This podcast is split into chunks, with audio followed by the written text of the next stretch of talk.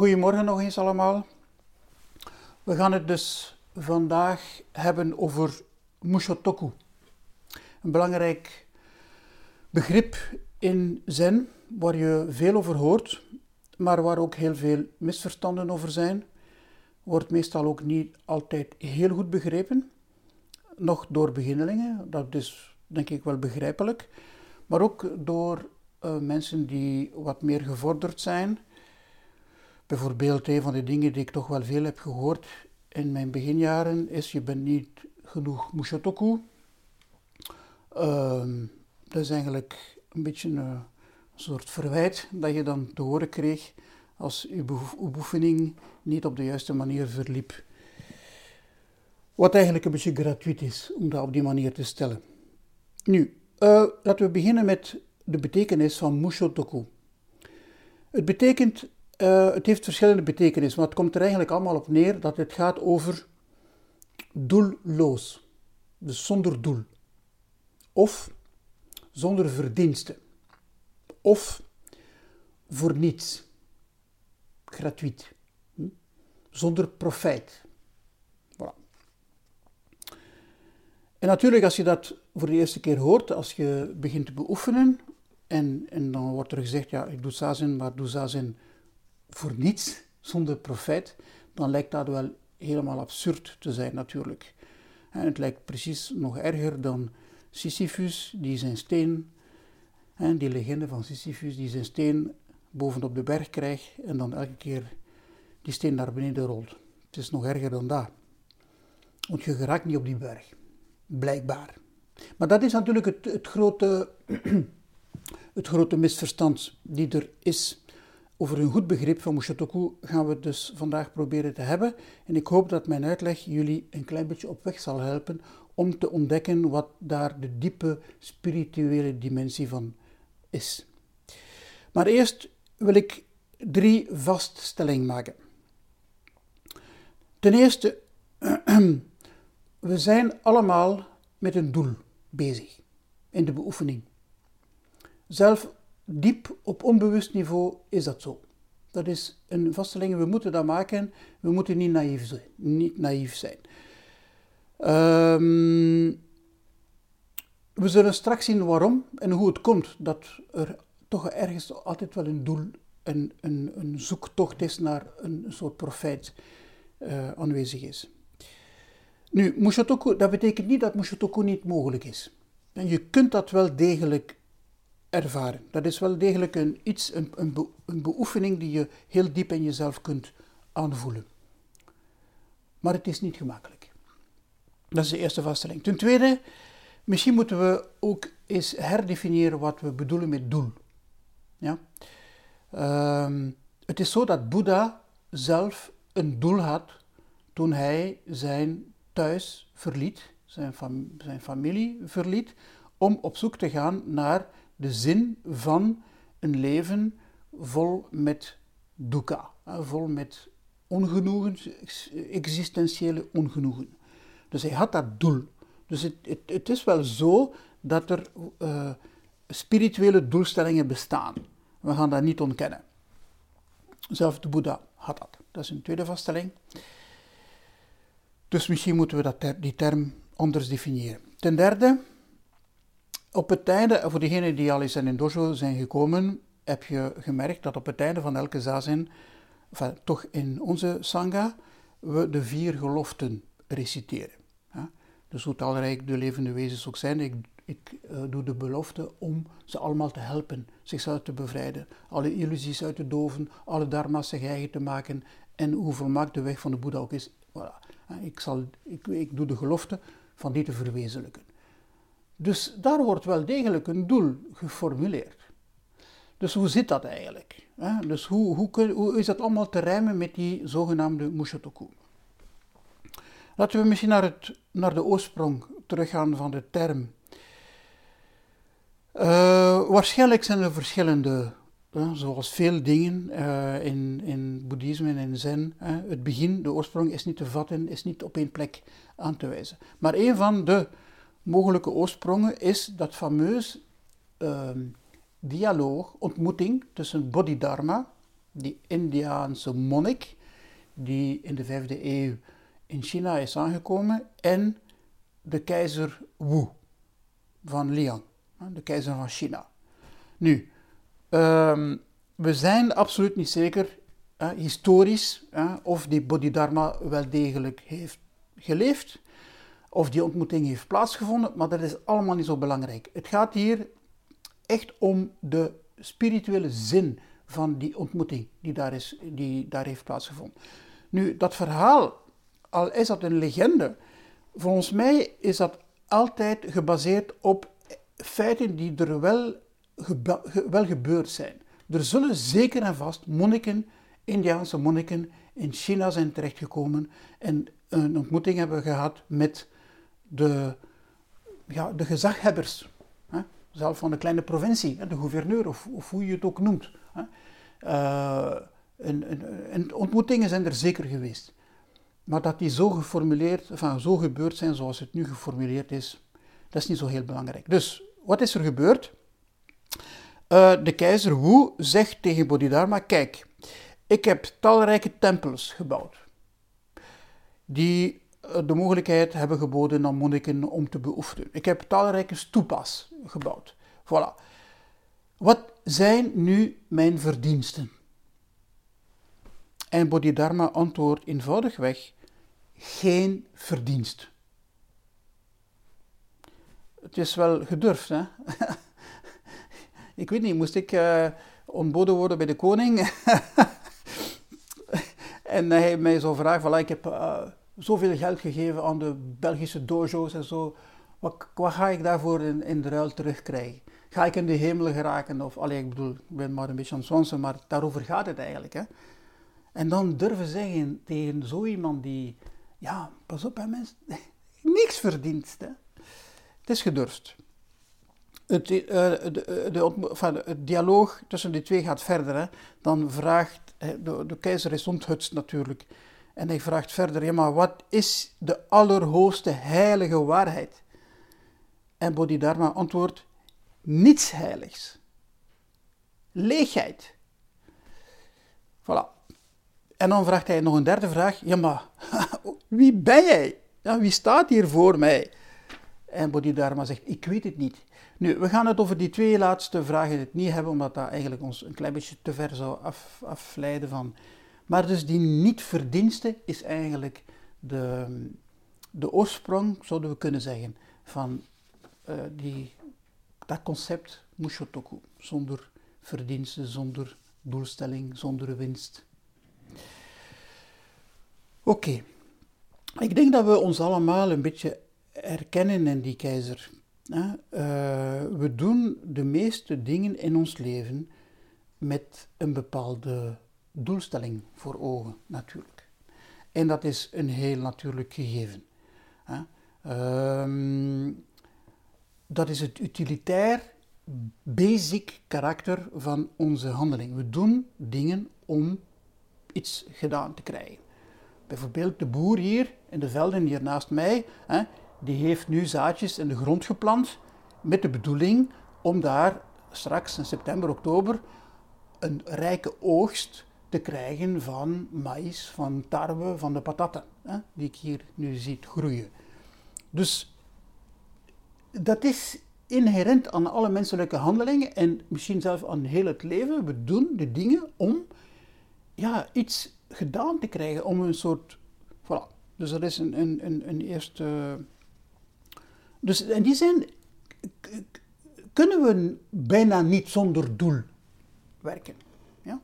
Maar we moeten nadenken over wat is de spirituele dimensie van dat doel. Dan een, een tweede belangrijke iets waar we echt van moeten bewust zijn, is, dat is het, wat ik noem het, het beloningsprincipe. Ja? Heel ons opvoedingssysteem is daarop gebaseerd. Wij zijn zo opgevoed geweest met je doet iets en je wordt beloond. En je doet het opnieuw om die beloning opnieuw te krijgen. En we voeden onze kinderen op, nog altijd volgens die methode. Dat is heel doeltreffend. Op die manier programmeren we het brein om dingen te doen. Uh, in het begin is dat een snoep. Uh, als de kinderen wat groter zijn, hè, je doet iets, voilà. En het is gelukt, oké, okay, je krijgt een stuk chocola. Hm? Uh, later in de opvoeding uh, krijgen de kinderen punten op het rapport. Ze doen bepaalde taken, ze krijgen een punt. Ik weet het, ik ben daarmee bezig. Dat is de evaluatie. Op die manier uh, worden ze beloond. En nog later is dat. Je doet iets in je professionele leven en je krijgt daar geld voor in de plaats. Um, dus dat beloningsprincipe zit diep, heel diep in onze genen zelf. Ik zou misschien zelfs zeggen in onze DNA uh, geprogrammeerd. En daar moeten we ons wel echt van bewust zijn. We kunnen daar eigenlijk bijna niet zonder. Hè. We, van kleins af aan, van zodra de kinderen uh, ons kunnen begrijpen, functioneert het op die manier. Um, nu, als we dat gaan vertalen naar, dus dat gedrag van iets te doen om altijd een beloning te krijgen, gaan wij natuurlijk kopiëren in een spirituele praktijk. Ja? Dus we gaan uh, ons inspannen, hè, we, we, we, beslissen, oké, we gaan met, met zen beginnen. Oké, we gaan naar de dojo gaan, we gaan ons inspannen, we gaan moeite doen, we gaan vroeg opstaan om naar de dojo te gaan. We doen wat de leraar zegt. We gaan sessions doen. We gaan onze familie twee dagen en een half verlaten of tien dagen verlaten om uh, in de tempel, La Gendronnière, 500 kilometer van hier, en voor hele, heel wat mensen is dat al een hele, een hele toestand, om daar uh, samu te gaan doen, zazen te gaan doen, dingen te gaan doen die we niet altijd heel tof vinden. We moeten de wc's poetsen, we moeten helpen in de keuken, uh, groenten snijden, pataten schillen, voilà. En we, we accepteren dat allemaal en we doen dat met het oog op wat? Ja, daar wordt dat dan vertaald natuurlijk. Hè? Ja, dan willen we erkenning krijgen natuurlijk. We willen verantwoordelijkheden krijgen. We willen, als je begint, oké, ah ja, op, een dag word je pijler. Hè? Dat is een, van de functies in, in de dojo. Hè? Je krijgt een, bepaalde uh, functie toebedeeld. Dat is een beloning. Uh, je, je, je mag de Kyosaku is geven, je leert het en je kunt het gaan geven. En, voilà. en, en zo heb je het gevoel dat je meer en meer beloning kunt krijgen. Ja? Uh, je kunt Shuso zijn, de eerste, de eerste discipel van de tempel. En zo gaat het maar verder. En, en, en voordat we het weten, zijn we eigenlijk met helemaal die beloningsprincipe aan het toepassen in onze spirituele beleving. En dat noemen we, enfin, ja, spijtig genoeg, uh, spiritueel materialisme. Hoe je draait of keert, gaat het daarover. Um, je kunt dat spijtig vinden, maar dat is wel een, nuchtere vaststelling die we moeten maken. En à la limite zou ik zeggen, kunnen de mensen daar niks aan doen. En nogmaals, zo hebben we het geleerd, van, van kleins af aan als we nog in onze broek deden. En, en, en zo werkt heel veel zaken in het leven. Dus dat dat gekopieerd wordt in een spirituele praktijk, is ergens, ergens, ergens wel te begrijpen. Misschien daarom niet goed, goed te keuren, maar wel verstandelijk te begrijpen. Daarom vind ik die opmerking, je bent niet genoeg mushodoku, verwerpelijk. Ik ga dat nooit zeggen tegen iemand. Al kan ik het misschien zelf denken, zal ik dat niet als een verwijt naar iemand naar zijn hoofd slingeren. Dat doe je niet. Ja. Um, bovendien, uh, als we een beetje naar onze eigen geschiedenis kijken, hebben heel veel religies misbruik gemaakt van dat soort beloningsprincipe.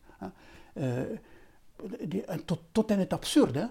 Uh, bijvoorbeeld in de katholieke kerk, uh, vroeger kon je, ik weet niet hoe het nu is, hè, maar kon je um, je zonde, dat was iets belangrijks. Hè? Je kon je zonde kwijt schelden door aflaten te kopen. Ja, mensen, waar zijn we mee bezig? Dat is, hè, als ik maar in de hemel geraak, mijn zijn weg, ik heb ze afgekocht, hè, allemaal afladen, en dan zal ik in de hemel geraken als ik dood ben. Beloning weer. Dus dat is echt iets waar we heel voorzichtig mee moeten zijn met dat, met dat principe van uh, ja, dat snoep. Hè? Altijd met een snoep de mensen proberen aan de, aan, de, aan de gang te krijgen. Dus het eerste wat dat we moeten doen is bewust worden daarvan. Dat wij daaraan lijden, aan dat probleem van die beloning. Daarom zegt Bodhidharma, geen verdienst. Wees bewust van het feit dat de weg van Boeddha geen verdiensten met zich meebrengt. Maar we moeten straks, zullen we zien, er zijn wel degelijk verdiensten, maar het is de manier waarop die ingevuld worden. En de manier waarop je ermee omgaat, natuurlijk, die een grote rol speelt. Dus geen verdiensten. De beoefening is niks anders dan loslaten, loslaten en nog eens loslaten. In de zazen van dinsdag heb ik dat nog eens heel hard uh, nadrukkelijk gezegd, en, ook een beetje in de session van afgelopen weekend, de zin van meester Dogen, Shinjin Datsuraku. Lichaam, geest, weg, zich omdoen. Voilà, dat is zazen. Dat is de diepe, de werkelijke diepe uh, betekenis, van niet alleen de betekenis, maar echt de beleving van het ontwaken van zazen is dat. Lichaam en geest loslaten. Alles wat je zorg baart, alles wat je kenmerkt, alles wat je definieert, alles allemaal naast zich neerleggen en iets anders ontdekken, iets anders beleven, iets anders, een nieuwe dimensie van het leven proeven.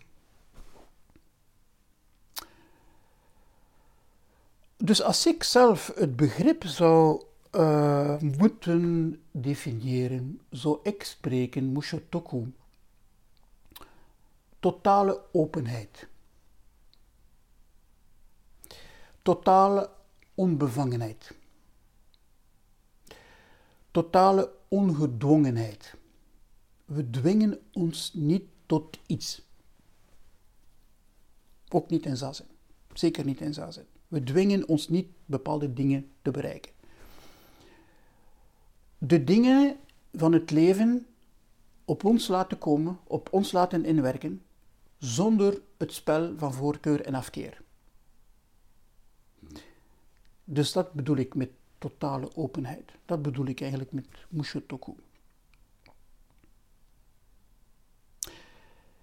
Want indien, het is eigenlijk bijna logisch. Indien we met zazen, oké, een doel zouden hebben. Ik wil bijvoorbeeld, ik weet niet, uh, ik wil van mijn depressie af. Zeg maar wat. Oké, okay, je begint zazen te doen. En je zult dat zeer waarschijnlijk bereiken. Op dat niveau eh, zijn er al mensen die dat niet weten dat ze hun eigen doelstelling, die ze onbewust soms hebben geformuleerd voor zichzelf, hebben bereikt. Die dat zelf niet zien. En dan zijn ze ontgoocheld en ze gaan weg. Uh, maar anderen ervaren het wel. Tja, mijn doel is weg.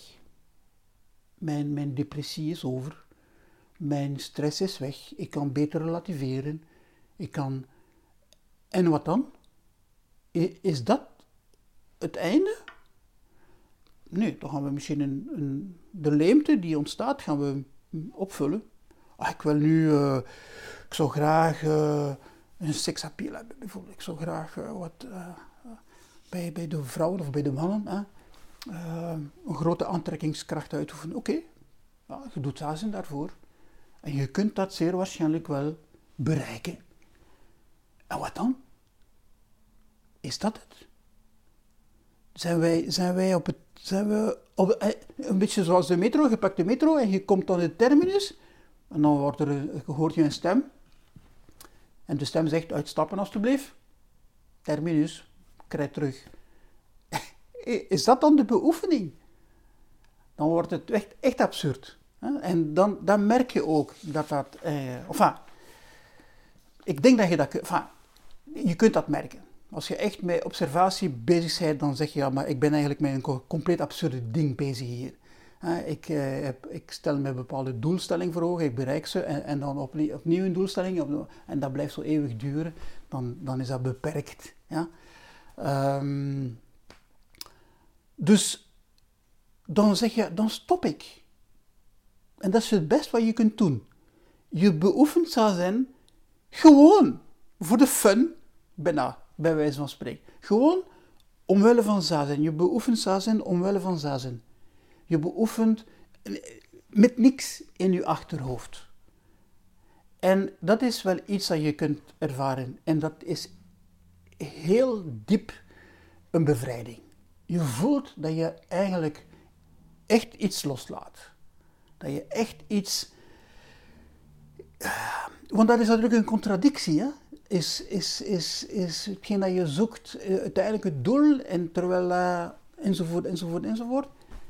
Nee, dan laat je dat allemaal los. En dat is wat ik bedoel met totale openheid. En dat werkt bevrijdend en dat, werkt, en dat geeft ook een diepe vreugde.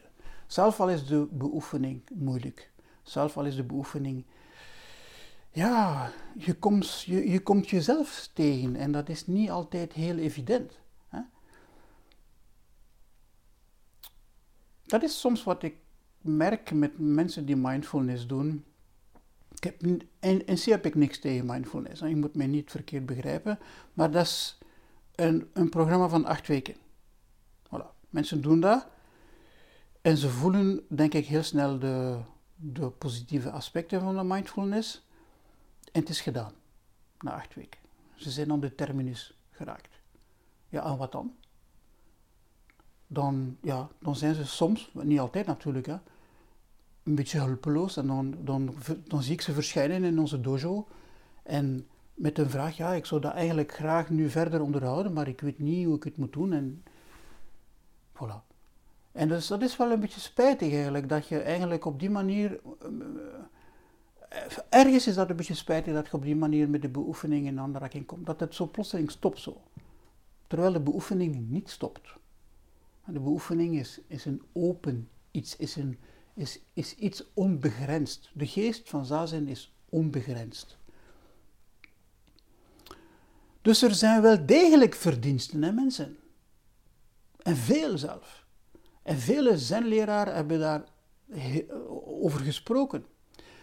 Ik haal alleen maar even aan, meester Deshimaru, hè, uh, in een tijd, in de jaren 70 van vorige eeuw, waarin dat allemaal zeer nieuw was, was een van de eerste die met wetenschappers aan de slag is gegaan om uh, na te gaan wat gebeurt er eigenlijk in het brein van de mensen als ze aan het mediteren zijn. Hij heeft daar een hele werk gedaan met uh, Paul Chauchard, een, een, bekende Franse neuroloog. En dan heeft hij zijn werk nog verder eh, verzet met de Japanse professor uh, Ikemi.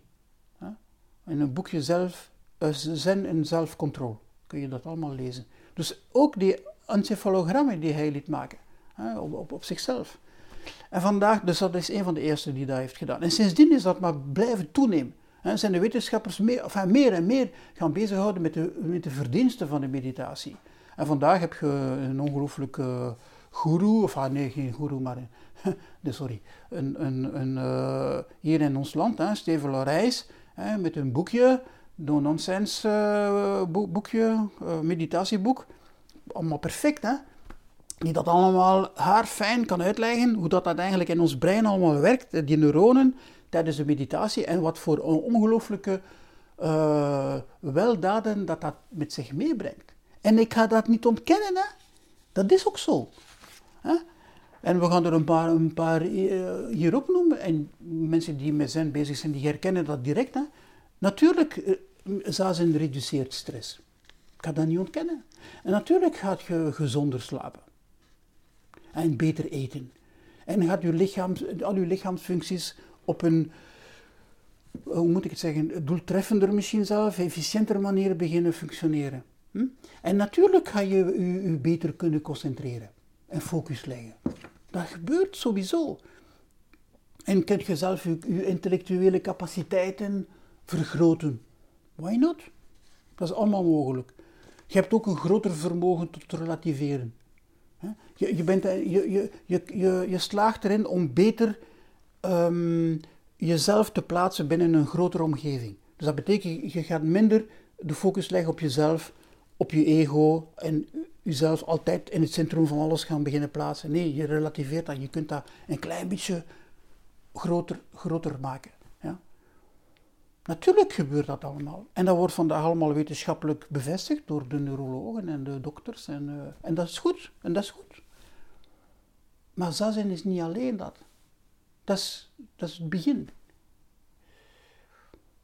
Um, er zijn ook natuurlijk minder leuke aspecten, en dat moet misschien ook gezegd worden aan meditatie. Je, zoals ik het straks zei, je wordt soms geconfronteerd met jezelf. Op een harde manier. Uh, je, je, ontdekt je donkere kanten. Je, je ziet werkelijk je illusies. En dat is niet altijd leuk om, om, om daarmee om te gaan. Dus uh, bij sommigen is dat echt een, een grote confrontatie. En om dat goed in, in, in evenwicht te houden en daar goed mee om te gaan en niet uh, nog meer depressiever te worden dan dat je. dan heb je inderdaad een leraar nodig die je daarin kan begeleiden in die moeilijke periode die je kunt doormaken. Voilà. Dus ik zou zeggen, natuurlijk brengt zazen vruchten met zich mee. Gelijk de boer hier, nogmaals, die zaadjes geplant heeft, nu in april, in september dingen, uh, een hele oogst gaat, gaat, uh, gaat krijgen, net zoals wij in zazen zaadjes planten, komt er natuurlijk iets uit de zazen. Een vrucht. De, bevrucht van de, de, de vrucht van de beoefening. Natuurlijk is hij daar. Maar, en dat is eigenlijk het groot verschil met de boer, denk ik, is we hechten ons niet aan die resultaten. En we gaan die niet voor ons alleen houden. Integendeel, we gaan die verspreiden. Daarom die geloften van de Bodhisattva op het einde van de zazen. Daarom de echo in de ceremonie. Echo betekent overdracht van de verdiensten. Je hebt het gehoord, hier doen we dat in het Nederlands en in het Frans. Mogen alle wezens samen met ons ontwaken we, we, dragen de verdiensten over van, deze, van, het, van de recitatie van deze sutra aan alle wezens. Of we dragen de verdiensten over aan zelf overleden mensen. Uh, Shakyamuni Buddha, uh, Mr. Dogen, Mr. Keizan, noem maar op. De hele lineage. We gaan die verdiensten aan hen overdragen. Ander, een andere mogelijkheid is, we gaan de verdiensten overdragen aan mensen die zwaar ziek zijn. We gaan een kito doen. Kito is een ceremonie waarbij, een beetje shamanistisch zo, we, we, roepen de kracht van Kanzeon op en we gaan poef, die, die, die, die, die verdiensten naar, naar die mensen sturen waarvan we nu de namen gaan reciteren. Opdat ze een teruggezond zouden worden, lichamelijk, geestelijk. En het werkt. Dat is eco. Dus dat is het eigenlijk. Hè. Er wel, dus Mushotoku betekent niet dat er geen doel is, want dat is absurd. Maar dat doel gaan we niet, of de verdiensten, gaan we niet voor onszelf houden. We gaan die verspreiden. We gaan die, en dat heeft te maken met die totale openheid die je bekomt met, met, met zazen. Wat gebeurt er in je zazen? Wat voel je in je zazen? Wel, je voelt dat de cirkel van je aandacht steeds groter en groter en groter en groter worden. En je, je, eerst je naasten, die je graag hebt, dan degene die, waar je neutraal tegenover bent, en dan diegene die je helemaal niet graag hebt, en je vijanden, en uiteindelijk de hele kosmos. Kun je eigenlijk om, omhelzen, om in je zazen.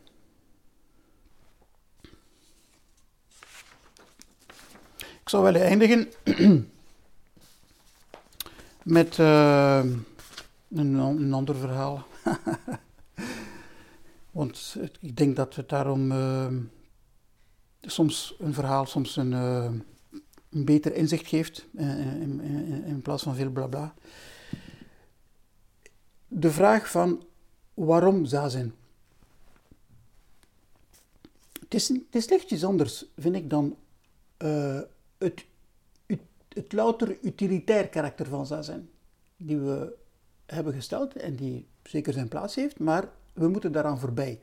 En ik denk dat de vraag waarom zazen in mijn leven wel degelijk een vraag is die we ons diep moeten stellen. En er is zo de ontmoeting tussen meester Bazo en zijn leraar, meester Nangaku. Je moet goed weten, heel dat de dialoog die nu is, meester Bazo had al Dharma-overdracht gekregen van meester Nangaku. Dus hij was al bevestigd in zijn ontwaken. Ja? Dus het is niet de eerste, de beste leerling waarmee hij praat. Ja? Oké. Dus Bazo was Sazin aan het doen. Hij deed niks anders dan dat. en uh, op een dag ging meester Nangaku naar hem en hij vraagt, wat ben je aan het doen? Hm? En, meester Bazo antwoordt, ik wil van mezelf een boeddha maken. Een schoon antwoord. Eigenlijk is dat een schoon antwoord. Ja. Bon. Zegt niks, hij gaat naar buiten, pakt een dakpan en begint daarop te wrijven. Met wat, dat weet ik niet, maar